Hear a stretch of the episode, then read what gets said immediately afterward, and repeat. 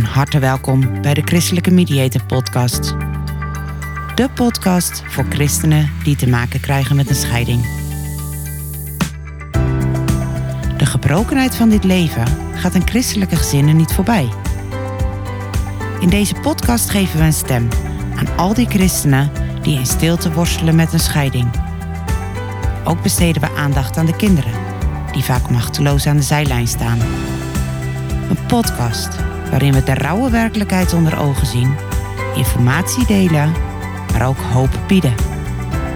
Eerlijk, oprecht en zonder oordeel.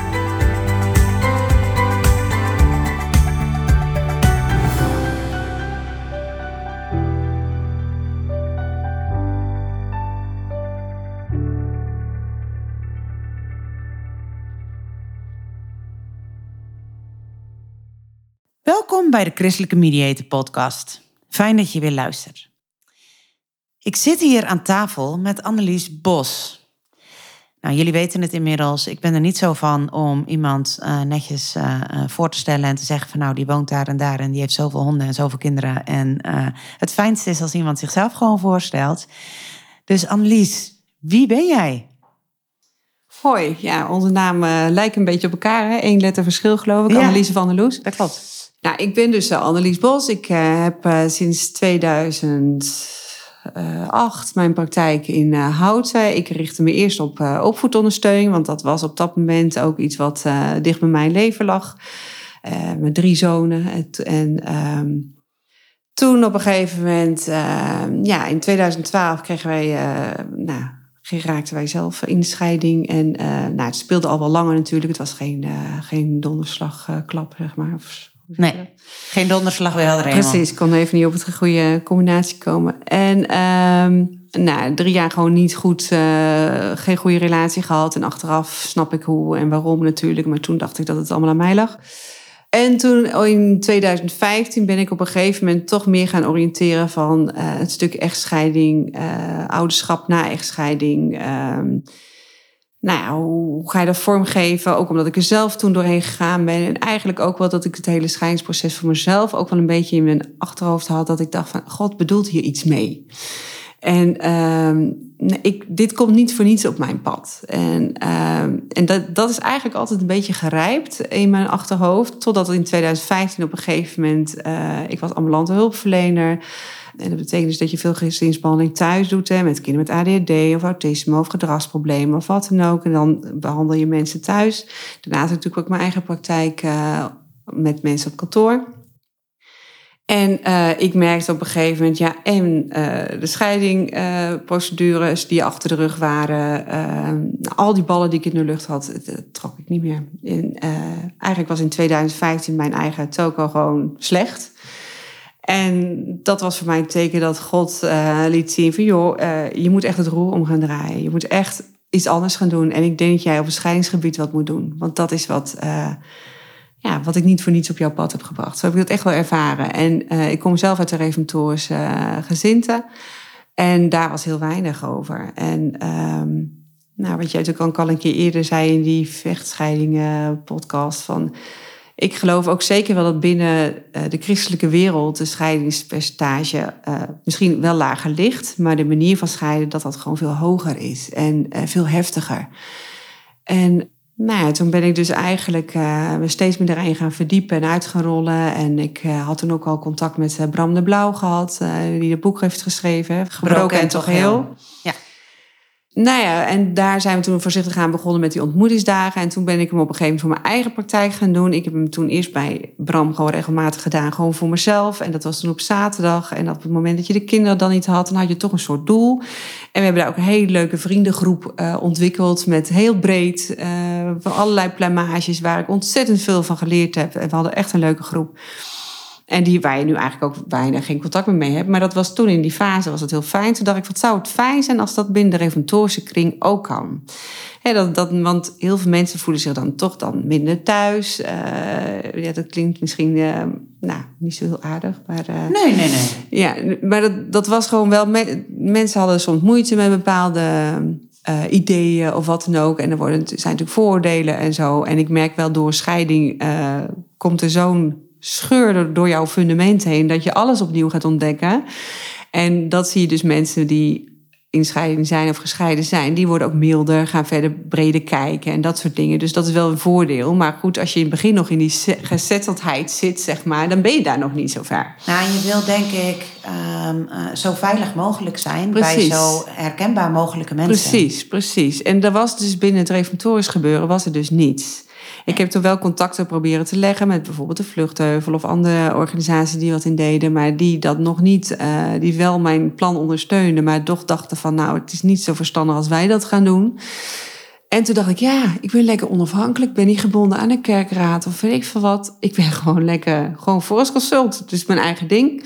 Dus toen ben ik het gaan doen. En ik, uh, nou, ik moet heel eerlijk zeggen, vanaf dag één uh, ervaar ik gewoon zoveel zegen op deze weg. Het is gewoon goed dat ik deze weg gegaan ben. Ik heb al zoveel mensen kunnen helpen. En ja, doordat je zelf door het proces heen gegaan bent en dat je moeder bent. En uh, nou, het is echt een moeilijke tijd. het is een wereld, een nieuwe wereld waar je eigenlijk geen weet van hebt. En zodoende ben ik me daar steeds verder in gaan ontwikkelen. Hey, en in een, lang verhaal kort zeg je eigenlijk van... joh, het voelt heel erg als God heeft mij op deze uh, plek gebracht. Um, ik ben zelf door een scheiding heen gegaan. was een vreselijk ingewikkelde tijd. Maar ik ben, uh, ik ben blij dat ik me op deze manier nu ook kan inzetten... voor andere mensen die ook die weg gaan. Ja, precies. Ja. En dan ben ik wel benieuwd. Ik wil zometeen heel graag meer horen over van joh, wat, wat kan je dan betekenen? Uh, wat, wat beteken jij op dit moment als professional voor andere mensen? En stel dat er luisteraars zijn die, die zeggen van joh, hé, hey, maar ik loop vast. Um, waarvoor zouden ze bij jou terecht kunnen? Maar voor die tijd, ik werd net getriggerd. Je zegt van joh, hey, op het moment dat christenen gaan scheiden. Misschien zijn er dan wel minder scheidingen bij christenen, nog los van uh, of dat. Ik, ik ken de cijfers niet, laat ik het zo zeggen. Um, maar de scheidingen die er zijn, die zijn vaak wel heel heftig. Ja. Dat, helaas zien wij dat ook. Als ik nou aan jou vraag, hoe denk jij dat dat komt? Ik denk dat het komt omdat uh, er is natuurlijk voor, uh, voor Gods aangezicht is er natuurlijk een belofte afgegeven. Hè? Van je hebt ja gezegd tegenover elkaar. Je hebt ja gezegd tegenover God. En er staat natuurlijk ook in het huwelijksformulier, zeker als je de ouderwetse huwelijksformulier mm leest, hè, dat je dus, nou, even vrij vertaald, dat God er is ook al, nou, er komt allerlei handen tegenspoed, komt er op je weg. En ehm, nou, dat je dus uiteindelijk van als je het niet meer weet, dat je het dan van God moet verwachten. Hè? En dat is natuurlijk ook heel bijbels. En ik denk dat mensen daar ook wel mee strukkelen. Dat is ook wel iets wat ik toen, toen de tijd terugkreeg uh, van medechristenen. Van ja, maar weet je, uh, er is voor uh, als je getrouwd bent ook heel logisch. Ik weet niet meer precies hoe die zin er staat. Uh, maar het is heel logisch dat je alle handen tegenspoed zal ervaren, want dat is uh, het kruis dat je op je krijgt binnen een relatie. Maar ja, sommige kruisen zijn wel anders dan andere kruisen, zeg maar. Hè. Er zit wel verschil in van wat voor soort kruis het is. En ik denk ook dat mensen heel lang doorgaan voordat het naar buiten komt. Dus voordat je hulp gaat zoeken of voordat Vaak wil één van beiden geen hulp, hè? dus daar loop je dan ook tegenaan. Dus dan blijven mensen maar worstelen, worstelen, worstelen. Nou, voordat je de vuile was buiten gaat hangen. Nou, in een kerkraad of wat dan ook inschakelen doe je al helemaal niet. Dus dat, dat uh, ik weet zelf toen ik de, wij gingen een tijdje uit elkaar voordat we officieel uit elkaar gingen. En um, toen schreef mijn ex-man ook uh, in een mail van uh, bid voor ons en uh, dat wij hier weer uit mogen komen, want het is niet onze intentie om te scheiden. Terwijl hij daarvoor ondertussen wel een dubbel leven leidde. Maar goed, dat is even terzijde. Maar die intentie had hij dus niet. Hè. Hij wilde toch nog wel steeds samen verder gaan. En ik weet dat we toen die mail hebben toen ook naar een aantal kerkraadsleden gestuurd. Dus naar familie en vrienden hadden we hier gedaan, die heel dichtbij om ons heen stonden. En nou, ik voelde me zo vogelvrij. Toen de eerste keer dat ik naar de kerk ging en zo. Nou, je dacht echt, iedereen kan het uh, van me zien. Alsof het op je voorhoofd staat, zij heeft relatieproblemen. Ja. Die mail, wat deed dat met jou? Dat die mail verstuurd was? Nou, die hebben we wel gezamenlijk geschreven. Tenminste, in die zin, uh, hij heeft hem opgesteld. Maar ik was daar wel mee eens. Ik, ik zag dat toen ook zo. Zeg maar. Het was ook mijn intentie absoluut niet om uit elkaar te gaan. Het was meer van we gingen tijdelijk uit elkaar om te kijken of we dan hè, om wat meer rust te krijgen, waardoor je elkaar weer kan hervinden. En ik vond het ook heel mooi dat hij dat vroeg van een bid voor ons. Dus dat, dat, uh, want je had het gebed van elkaar ook heel erg nodig. Maar je gaat dus wel heel erg uit de kerk klappen, hè? of uit je school klappen. Ja, de, de veiligheid die, die uh, in het verborgene is. Dus, Ja. dus dat mensen niet weten uh, wat jouw vuile was Ja. is. Ja, je gaat dus iets naar buiten brengen wat dus niet het plaatje is. En ik denk dat heel veel mensen met mij die moeite hebben. En ehm, heel veel mensen weten natuurlijk helemaal niet wat er achter een voordeel schuilt. Dat weten we sowieso niet. Maar ik denk dat het in kerkelijke gemeenten nog veel lastiger is om dat stukje kenbaar te maken. Dus ik, en ik denk dus wel, nou, hè, dat je inderdaad die belofte gegeven hebt aan God. Dus dat je dat doet, maar ook de schaamte die je ervan hebt. Ehm, mm, het hangt een beetje af van je kerkelijke gemeente hoe daarop gereageerd wordt. Wordt er gelijk heel veroordelend op gereageerd en je moet en je moet zonder te luisteren, dan, dan maak je denk ik nog eerder erger als dat je verbindend werkt. Tegelijkertijd denk ik van, poeh, je moet maar als kerkraad het ook maar allemaal uh, kunnen handelen. Hè? De, want het is een hele ingewikkelde materie. De een zegt dit en de ander zegt dat. En uh, ja. Nou, het is een vreselijk ingewikkelde materie. Terwijl uh, als we kijken uh, naar kerkraden, dat zijn ook uh, gewoon mensen die daarnaast hun gezin en hun werk hebben en geen professionals zijn. Nee, gewoon accountant zijn. Of ja, zo. precies.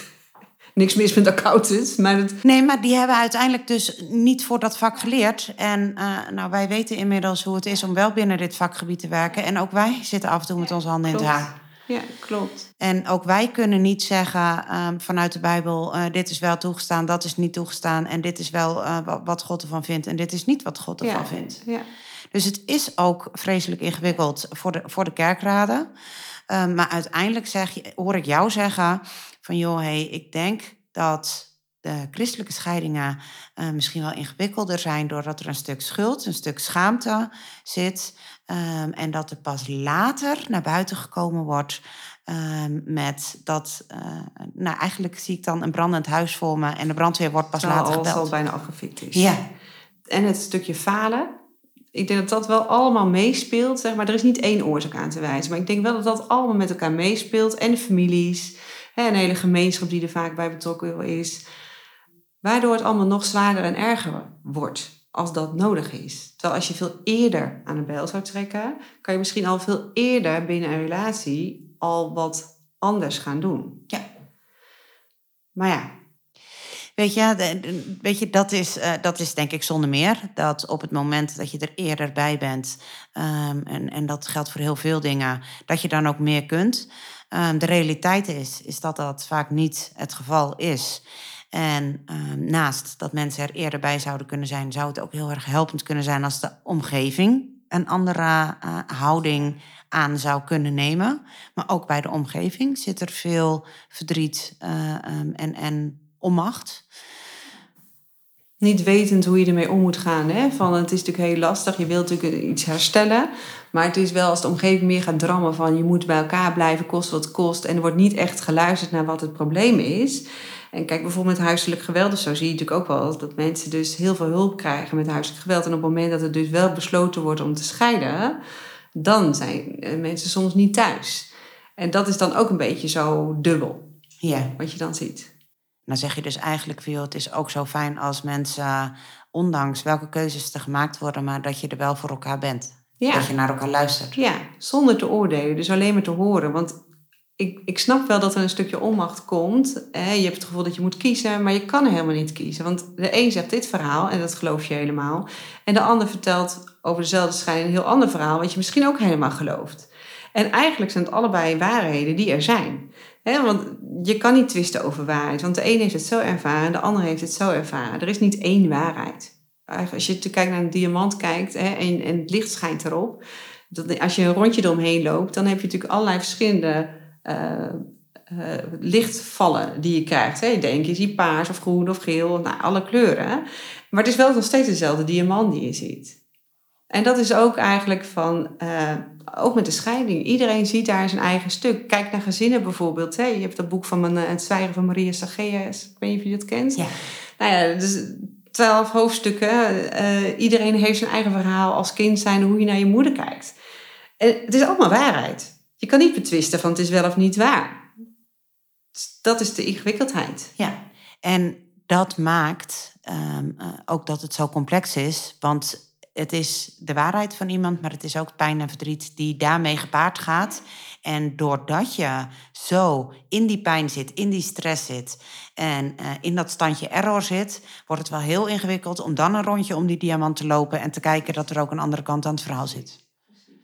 Nou, waar ik dan op doel is um, dat jij mensen helpt die in een hoog stresslevel zitten, die in een hele ingewikkelde situatie zitten en die het niet meer altijd um, uh, zelf voor elkaar krijgen om de situatie nog te handelen. En de situatie rondom scheiding, om die nog te handelen. Ja, klopt. Dan kan je zelf nog veel beter vertellen. Um, voor de luisteraar, nog goed om even te introduceren is um, waarom wij vooral Annelies hebben uitgenodigd om met haar in gesprek te gaan, is uh, omdat we ons terdege bewust zijn dat er ook mensen zijn die meer vastlopen in hun scheidingsproces dan dat ze zouden willen. En dat er mensen zijn die zo dolgraag, zoals we dat wel vaker benoemen, de overstap maken en afscheid willen nemen als partners afscheid willen nemen van hun echtgenoot en willen leren samenwerken met de andere ouder, maar die geen idee hebben hoe. En christelijke mediator die focust zich heel erg op het eerste traject. Uh, als duidelijk wordt dat mensen gaan scheiden. De eerste emoties komen aan de orde. De ouderschapsregeling, de financiën, alles bespreken we. Maar wat nou als dat allemaal geregeld is en je je komt er samen niet uit. Je blijft samen vastlopen. Wat dan? Nou, wat dan? Daar kan Annelies ten dele antwoord op geven. Ik geloof niet. Het zou mooi zijn als je voor iedereen de oplossing had. Dat zou heel mooi zijn, ja. Um, maar er zijn wel degelijk mogelijkheden om op dat moment hulp in te schakelen. En uh, dat kan onder andere bij jullie. Ja, klopt inderdaad. Nou, allereerst is het natuurlijk heel normaal hè, dat je dus, uh, als je het juridische stuk geregeld hebt, hè, dus dan, en dat je dan het moet gaan doen. Hè, dus dat is weer zo'n overgangsfase. Het is heel normaal dat dat ingewikkeld is, dat je daar je weg in moet vinden. Meestal het eerste jaar heb je best wel nodig om te kunnen settelen. Je huis, alles, al je fundamenten zijn weg. Uh, alles wordt anders, je financiële situatie wordt vaak anders hoe gaan we het doen? Hoe ga je, de ene werkt al, maar de ander werkt misschien nog helemaal niet. Uh, er zijn heel veel dingen die op je bordje komen, waardoor, uh, ja, waardoor er gewoon veel te veel van je gevraagd wordt. Dus het is heel normaal dat je denkt, oh, hoe dan? We hebben nu het afgesloten. En heel gek genoeg, maar je kan soms echt blij zijn als eenmaal een scheiding is ingeschreven. En je denkt van, deze fase hebben we gehad. Hè, van, uh, kan je van tevoren nooit voorstellen, maar op een gegeven moment kan je daar blij om zijn. Kan hè, dat dat gebeurt, dat het ingeschreven is bij de gemeente en dat dat achter de rug is. Maar dan komt het eigenlijk, ja, en nu? Want je komt vanuit die strijd, ook al heb je natuurlijk bij jullie als mediator natuurlijk met elkaar gesproken. Maar je komt natuurlijk toch wel een beetje van een strijd van, ja, enerzijds hè, wil je natuurlijk wel je eigen belangen goed hebben. Je wil ook niet de ander het vel over de neus halen, maar er is ook heel veel onbekendheid, er is angst, je hebt de kinderen, je hebt nog zoveel facetten die heel lastig zijn. Dus die gezinsreorganisatie, die kost ook heel veel tijd. En is ook heel normaal dat daar een rouwproces aan vooraf gaat. Tijdens. Nou, ik vind het wel mooi dat je dat benoemt, dat het ook normaal is. Uh, dus dat uh, mensen niet hoeven te schrikken als het in de eerste fase na de scheiding allemaal niet over rozen gaat. Precies, precies. Want je moet wennen aan die omgangsregeling. Je moet wennen dat kinderen met de kerstdagen wel of niet bij jou zijn. Met oud en nieuw wel of niet bij jou zijn. Een gezin is stuk. En ik ben nu uh, acht, negen jaar verder en ik merk nog steeds dat ik dat moeilijk vind. Dat je gezin stuk is. Je hebt nooit meer een compleet gezin. En dat is rouwen, dat is verdrietig. En laat dat er alsjeblieft zijn. Dus dat je dus door dat hele rouwproces heen moet gaan dat is heel logisch. Wat ik vaak wel merk is dat um, de eerste twee, drie jaar heb je daar gewoon die tijd voor nodig om elkaar te settelen, om elkaar te kunnen waarderen als ouders, als collega-ouders. Maar je bent in dat onthechtingsproces. En wat vooral belangrijk ook is dan, om ook die verdriet bij jezelf de ruimte te geven. Dus je kinderen heb je om te zorgen. En er zijn soms, ik weet van mensen die dan pas twintig jaar nadat de kinderen dus op een gegeven moment de deur uit zijn, dus in die twintig jaar na scheiding dan zeg maar, uh, dan pas toekomen aan zichzelf. Want continu hebben ze voor de ander gezorgd. Nou, dat kan. Hè? Dat is helemaal niet erg, maar dat, dat kan. Dat is prima. Blijkbaar op dat moment kon je het niet er allemaal bij hebben. Maar als je zelf de ruimte geeft om te ontdekken van... hey, doe ik dit vanuit mijn ex-partnerrol of vanuit mijn ouderrol? De ex-partnerrol, je hebt twee petten die je dan op gaat doen... is dat je een onderscheid gaat maken van... Um, nou, het doet heel pijn bijvoorbeeld dat mijn kinderen met de kerstdagen niet zouden zijn bijvoorbeeld. Hè? Dus dan kan je dus heel gaan bestrijden van ik wil wel en ik wil niet. En dan kan je het... Misschien ga je dan heel ruzie maken hè, over bijvoorbeeld uh, de kerstjurk die je dochter aan moet. En dat hij niet de kerstjurk aan heeft bij vader, terwijl jij die wel meegegeven hebt. Daar kan je dus een heel groot punt van maken. Maar het gaat eigenlijk helemaal niet om die kerstjurk. Het gaat erom dat jij pijn voelt. Dat jouw dochter, die doet die jurk aan bij papa of niet. Daar heb je geen invloed op. Maar het doet je pijn omdat je er niet bij bent. Je voelt je buitengesloten. En je wil graag met je kinderen samen dit stukje doen. Of de vader die wil heel graag met de kinderen de kerstdagen vieren. Maar het wordt niet gegund door de andere ouder. Dus dan ga je eigenlijk ga je dus je ex-partnerpijn, die ga je verplaatsen in je ouderpijn. In je ouderrol. En daar hebben je kinderen last van. Dus eigenlijk zeg je van joh, hey, de, ehm, en met, met alle respect, maar de, de kleine ruzies, de oppervlakkigheden, de, daar waar het gaat over een jurk of over dat er wel of niet gezond gegeten wordt of dat de bedtijden te vroeg of te laat zijn, um, dat is niet waar het werkelijk om gaat. Er ligt iets anders achter en onder jouw pijn. Die maakt dat je daar die discussies over gaat. Of die maakt dat de ander daar de discussies over gaat. En waarvan je dan als de ouder die dan een soort van aangevallen wordt, denkt van, oh, daar gaan we weer. Terwijl als je iemand apart hoort, snap je heel goed wat, waarom de een dit zo doet en waarom de ander dat zo doet. En dat het niet altijd is om elkaar dwars te zitten, maar dat je nog heel erg aan het zoeken bent naar welke rol je moet gaan aannemen. En vanuit je ex-partnerrol, daar, die pet, die moet je gaan ontwikkelen en ontdekken bij jezelf. Want daar zit jouw hele verwerking van al je pijnpunten. Maar die kan je niet inzetten als ouder, als collega-ouder.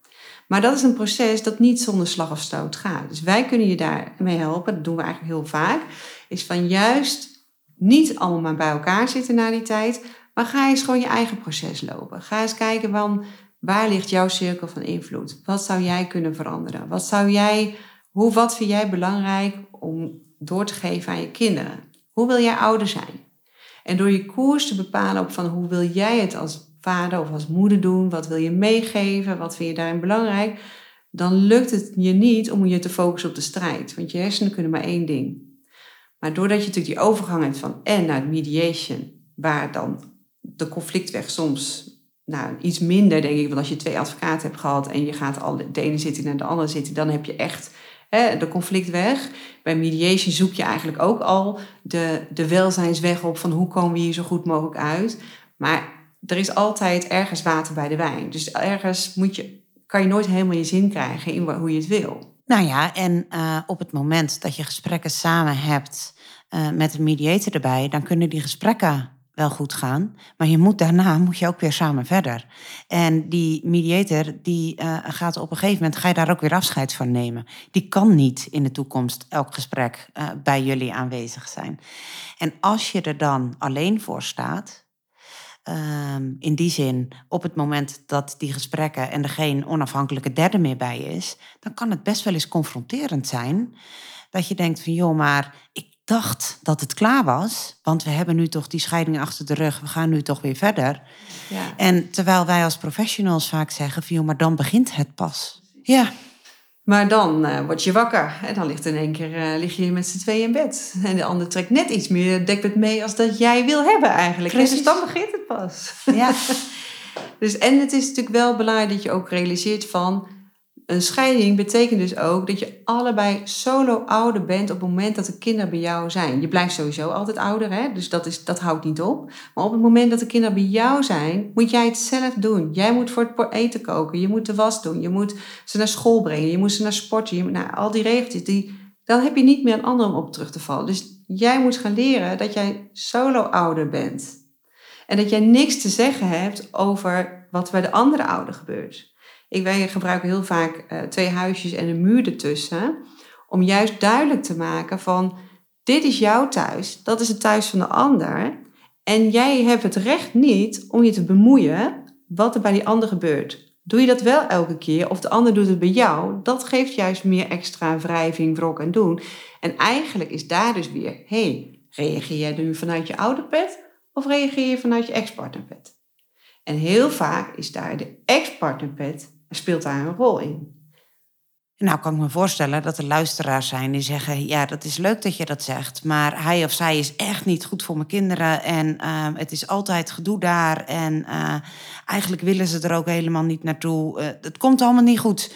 Dus onze situatie is echt anders. Nou, dat zal je ook ongetwijfeld heel vaak horen. Um, maar zeg jij, joh, onze praktijk is er onder andere op gericht op als je gescheiden bent of in scheiding ligt, of nou langer of korter geleden is, je komt er niet uit.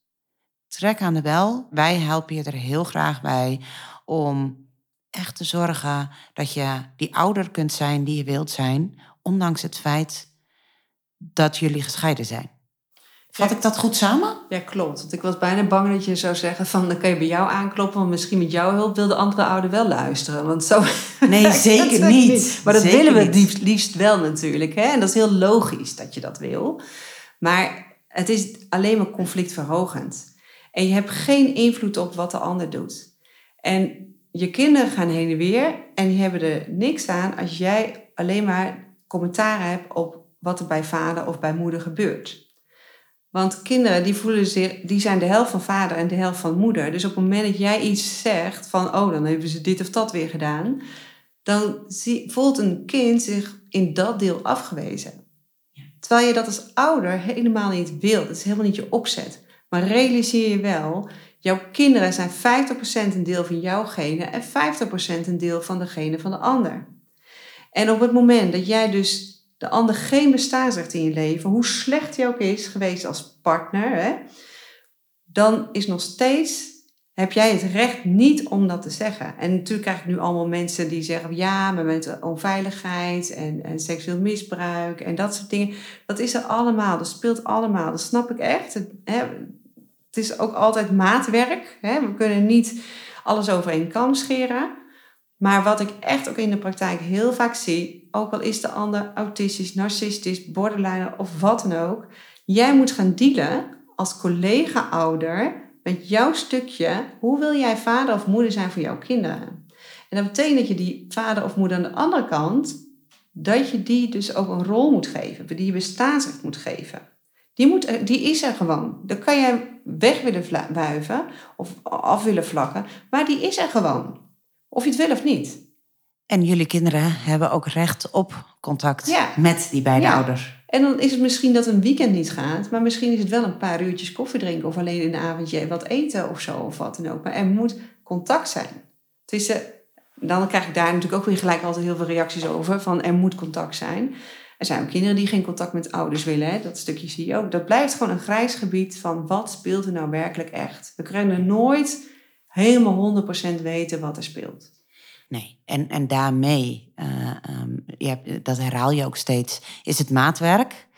Um, maatwerk, elke situatie is weer anders. Maar het is zo belangrijk dat uh, de ouders daarbij beide in een, een spiegel volgehouden krijgen. En wat kan ik doen om mijn stuk te beïnvloeden en niet joh, wat uh, kan jij me helpen om die andere ouder um, uh, te veranderen, zodat het gaat zoals ik het wil? Ja, maar jullie zijn niet voor niks uit elkaar, hè? Dus dit speelde waarschijnlijk in jullie huwelijk ook wel een rol. En toen is je ook niet gelukt. Dus waarom zou het dan nu wel gelukken? Nou, dat ook, hè. Het gaat, ook al zou je het willen en ook al is het vanuit jouw perspectief aan alle kanten beter uh, als de andere ouder uh, dingen aan zou passen, wat tijdens het huwelijk niet gelukt is, is gaat na het huwelijk ook niet lukken. En één ding is zeker, dat de kinderen erbij gebaat zijn om tussen ouders op te groeien waar zo min mogelijk uh, strijd is en, en waar ze allebei zo onbevangen mogelijk kunnen opgroeien. Ja, en ouders moeten ook niet vergeten dat kinderen ook heel veel kunnen. Hè? Kinderen, die, je moet soms als ouders wel eens helpen om je kind weerbaar te maken. Maar het lastige is, een kind weet ook wat hij bij jou moet zeggen of bij de andere ouder moet zeggen. Dus daarom is het ook nooit helemaal 100% helder dat het 100% waarheid is, zeg maar. Dus dat is heel lastig. Het betekent niet. Er zijn ouders die bijvoorbeeld hun, kind alle stem geven in het en hun alles laten beslissen. Maar toen jullie bij elkaar waren en een kind wordt puber bijvoorbeeld, dan heeft het toch ook grenzen nodig, heeft het toch ook kaders nodig. Maar doordat jullie dan uit elkaar zijn, geef je ruimte om uit te kunnen spelen. En daardoor um, uh, maak je juist de positie van de kinderen heel sterk, maar niet gezond sterk. Want een vader en een moeder hebben allebei de intentie om goed voor een kind te zijn. In ten diepste heeft iedereen dat. Tuurlijk kunnen er dingen verkeerd gaan door psychiatrische problematiek of hè, andere dingen uh, die niet goed gaan. Maar in principe heeft elke ouder de intentie om uh, zo goed mogelijk voor een kind te zorgen. En dan kan het als ex-partners verkeerd gegaan zijn. En ik vind dit is een tricky onderwerp, hè, want mensen gaan er van alles in denken, komen er van alles in, in, in verweer. Maar mijn ervaring is wel, als je meer gaat staan van hoe wil jij vader of moeder zijn voor mijn kinderen, dan ga je weg van die strijd en ga je meer de zorg voor de kinderen geven. En dan kan je de kinderen ook weer bij maken. En zijn kinderen, ook al zijn ze heel jong, al zijn ze 4, 5, 6 jaar, ze hebben, als je goed kijkt naar je kinderen, hebben ze een eigen manier om met de situatie om te gaan. Soms zoeken ze zelf al een buurvrouw waar ze ook eventjes kunnen praten. Of soms, eh, als die over de gang hè, van de ene ouder naar de andere ouder, hebben ze zelf al een maniertje bedacht uh, of als ze helemaal uit hun dak gaan, dan kan je met hun wel even over hebben. Van joh, wat vind je nou fijn om even je hoofd leeg te maken of wat dan ook. Kinderen zijn veel slimmer als dat wij vaak denken. En veel flexibeler ook. Ook dat. En natuurlijk hebben kinderen er pijn van. Hè? De kinderen hebben er echt wel verdriet van dat hun ouders uit elkaar zijn. Dat ze niet één huis hebben. Dat ze het heen en weer moeten zwalken. Dat het uh, dat ze papa missen als ze bij mama zijn. Dat ze bij mama missen als ze bij papa zijn. Dat is heel normaal dat, dat, dat ze dat hebben. Hè? Dus die, die erkenning mogen ze ook wel hebben. Maar ga niet voor ze praten. En dan bedoel ik van dat je gaat invullen waarom ze dit zeggen. Nee, ze willen niet bij jou zijn, want ze vinden het zo vervelend. Terwijl als ze bij vader zijn, is het gezellig, leuk, niks aan de hand. Dus een vader denkt, hoezo willen ze niks, uh, niet bij mij zijn? Ik merk er helemaal niks van. Ja, nee, dat zeggen ze bij mij. Ja, dat zou kunnen. Maar weet ook, een kind weet ook dat er munitie is om weer te gaan schieten. Dus een kind past zich ook wel heel erg aan bij wat jij graag nodig hebt om te horen, of wat de ander nodig heeft om te horen. Bij mij, ik weet nog een voorval op een gegeven moment met... Uh, wat met een feestdag of weet ik veel wat. Er was familie bij ons aan het eten. En dat ik heel bewust dacht op een gegeven moment van... de jongens kwamen terug van de vader. En ze, ze, er was net daarvoor gebeurd of zo. We gingen eten. En dat ik gewoon heel normaal open voor... En wat heb je gedaan? En was het leuk? En dit en zo. En ik heb het, het was heel bespreekbaar. En wat mij toen echt opviel... is met familie erbij, of mijn familie was dat... dat kinderen dus gewoon vertelden wat ze gedaan hadden. En toen dacht ik, wauw ze houden dus niks achter doordat ik het wel bespreekbaar maak. Ik laat het gewoon zijn. Ik heb er geen commentaar op en dat soort dingen. Ik laat het, ze mogen gewoon hun verhaal vertellen, want het is hun leven. Nou, dat, dat dat gewoon kon en dat ze dat deden, vond ik eigenlijk zelf heel mooi. Dat, dat dat er gewoon mocht zijn, want dit is hun leven. En voor hun is het één leven. En uh, zijn het niet twee losse eilanden, twee uh, uh, losse levens. Ze willen ook heel graag bij papa kunnen delen hoe het bij mama was en andersom. Ja, precies ja, klopt. En als mensen eh, die nu luisteren, die zeggen van oké, weet je, ehm, het, het, het traject van uh, de scheiding, die is afgerond, maar het gaat tussen ons, uh, het, het gaat met vallen en opstaan, gaat het, maar ik zou toch echt wel daar nog wat ondersteuning bij willen kunnen, bij kunnen gebruiken en bij willen gebruiken. Hoe komen ze bij jou terecht? Dan kan je gewoon jezelf aanmelden bij uh, info.forestconsult.nl en dan uh, mail je even je gegevens door en je hulpvraag wat je nodig hebt. En dan nemen jullie contact, dan nemen we contact op. met ze op. Dus eigenlijk zeg jij van, joh, hey, op het moment dat mensen uh, benieuwd zijn of jullie hun zouden kunnen helpen, dan kunnen ze naar de website. En de website is? Voor www.forestconsult.nl. Dus daar kunnen ze naartoe. En uh, er zijn soms mogelijkheden uh, dat gemeentes iets vergoeden of dat een verzekeraar uh, al dan niet een deel vergoedt. Er zijn wel eens kerkraden die willen helpen met een vergoeding. Maar hoe dan ook, neem vooral contact op om te bespreken wat de mogelijkheden zijn. En ik denk dat het voor mensen heel fijn is om te weten dat ze zich dan aanmelden op een plek waar en kennis is uh, um, van hun christelijk geloof.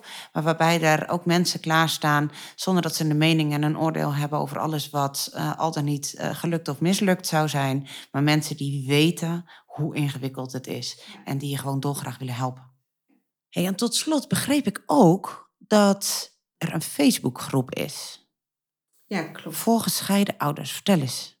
Nou, als je naar de, op Facebook gaat en naar christelijk alleenstaande ouders 1.0 gaat, daar uh, krijg je dus een aantal vragen waar je op moet antwoorden. En wat heel belangrijk is, dat je wel een profielfoto hebt met uh, waar je ook op staat. Want anders dan uh, weten we ook niet precies wie er binnenkomt. Natuurlijk blijft internet. Maar het voordeel van deze groep is dat je uh, veel christelijke lotgenoten treft die in hetzelfde schuitje zitten of al langer geleden in het schuitje gezeten hebben. Dus verschillende fases hebben waar je dus van eigenlijk vanuit je tuin, huiskamer, wat dan ook, heel laagdrempelig andere mensen kunt ontmoeten. En dat is soms heel fijn als het even heel erg rauw, rauw is. Dat je even wat dropt. Hè, en dan krijg, is er altijd iemand die even reageert, waardoor je weer even gehoord voelt, maar dat je ook weer moed hebt om verder te gaan. Want het is absoluut niet een uh, groep waar het alleen maar huilie-huilie is, maar ook gericht op de toekomst. En juist doordat er zoveel verschillende fases zijn, uh, snapt iedereen waar je in zit. En het is, ja, blijkt dus ook echt wel heel helpend te zijn. en er worden soms wel eens activiteiten georganiseerd. Nu met corona is het natuurlijk even wat minder, maar wel bijvoorbeeld nou, dat mensen wel eens een bijeenkomst of een wandeling of wat dan ook organiseren. Of als je zelf denkt van, hé, hey, ik vind het leuk om mensen te ontmoeten. Ga dan zelf, uh, als je wat langer meedraait, een keer een balletje opgooien. Dus het is een hele lage drempelige manier om uh, herkenning te vinden, ontmoeting, delen. En, uh, en te ja. weten dat je er niet alleen voor staat. Precies, precies. En dat gewoon vanuit je huiskamer. S'avonds als de kinderen op bed liggen, bij wijze van. Een mooie, mooie aanvulling nog. Ja. Um, dus dat de Facebookgroep die heet Christelijke Alleenstaande Ouders 1.0. Ja, klopt. En bij aanmelding belangrijk dat er een herkenbare profiel van Ja, en dat je even de vragen beantwoordt, want anders dan kom je er ook niet zomaar in. Het blijft natuurlijk gewoon internet, dus realiseer je dat wel. Maar het is belangrijk, denk ik, uh, dat er ergens een plek is. Zo is het, zo is het. En ik neem aan dat het wel een besloten groep is. Ja, klopt. Ja. Hey, ontzettend bedankt, Annelies, voor jouw bijdrage uh, aan onze podcast. Ik ben ervan overtuigd dat er hier uh, mensen weer een stapje verder mee kunnen. Graag gedaan. En op mijn website staan natuurlijk allerlei dingen, informatie over bepaalde onderwerpen. Dus die kan je natuurlijk altijd even lezen als je nou, wil zeker. weten. Zeker. Ja. Wij zullen uh, in onze nieuwsbrief zullen we ook de website uh, vermelden, zodat mensen die deze podcast luisteren in dezelfde nieuwsbrief ook uh, een link krijgen naar de website. Blader hem vooral eens door, want er staat veel meer op dan bij in een half uurtje podcast kunnen proppen. Dus, dus voel die ruimte. Precies. Ja. hey, dankjewel. Oké, okay, graag gedaan. Dank voor het luisteren naar de Christelijke Mediator podcast. Mocht je behoefte hebben aan advies of aan een luisterend oor, schroom niet. Neem vooral even contact op. Dat kan via www.christelijkemediator.nl. We helpen je graag. Je staat er niet alleen voor. Wil je geen aflevering meer missen? Abonneer je dan op de podcast in je favoriete luisterapp.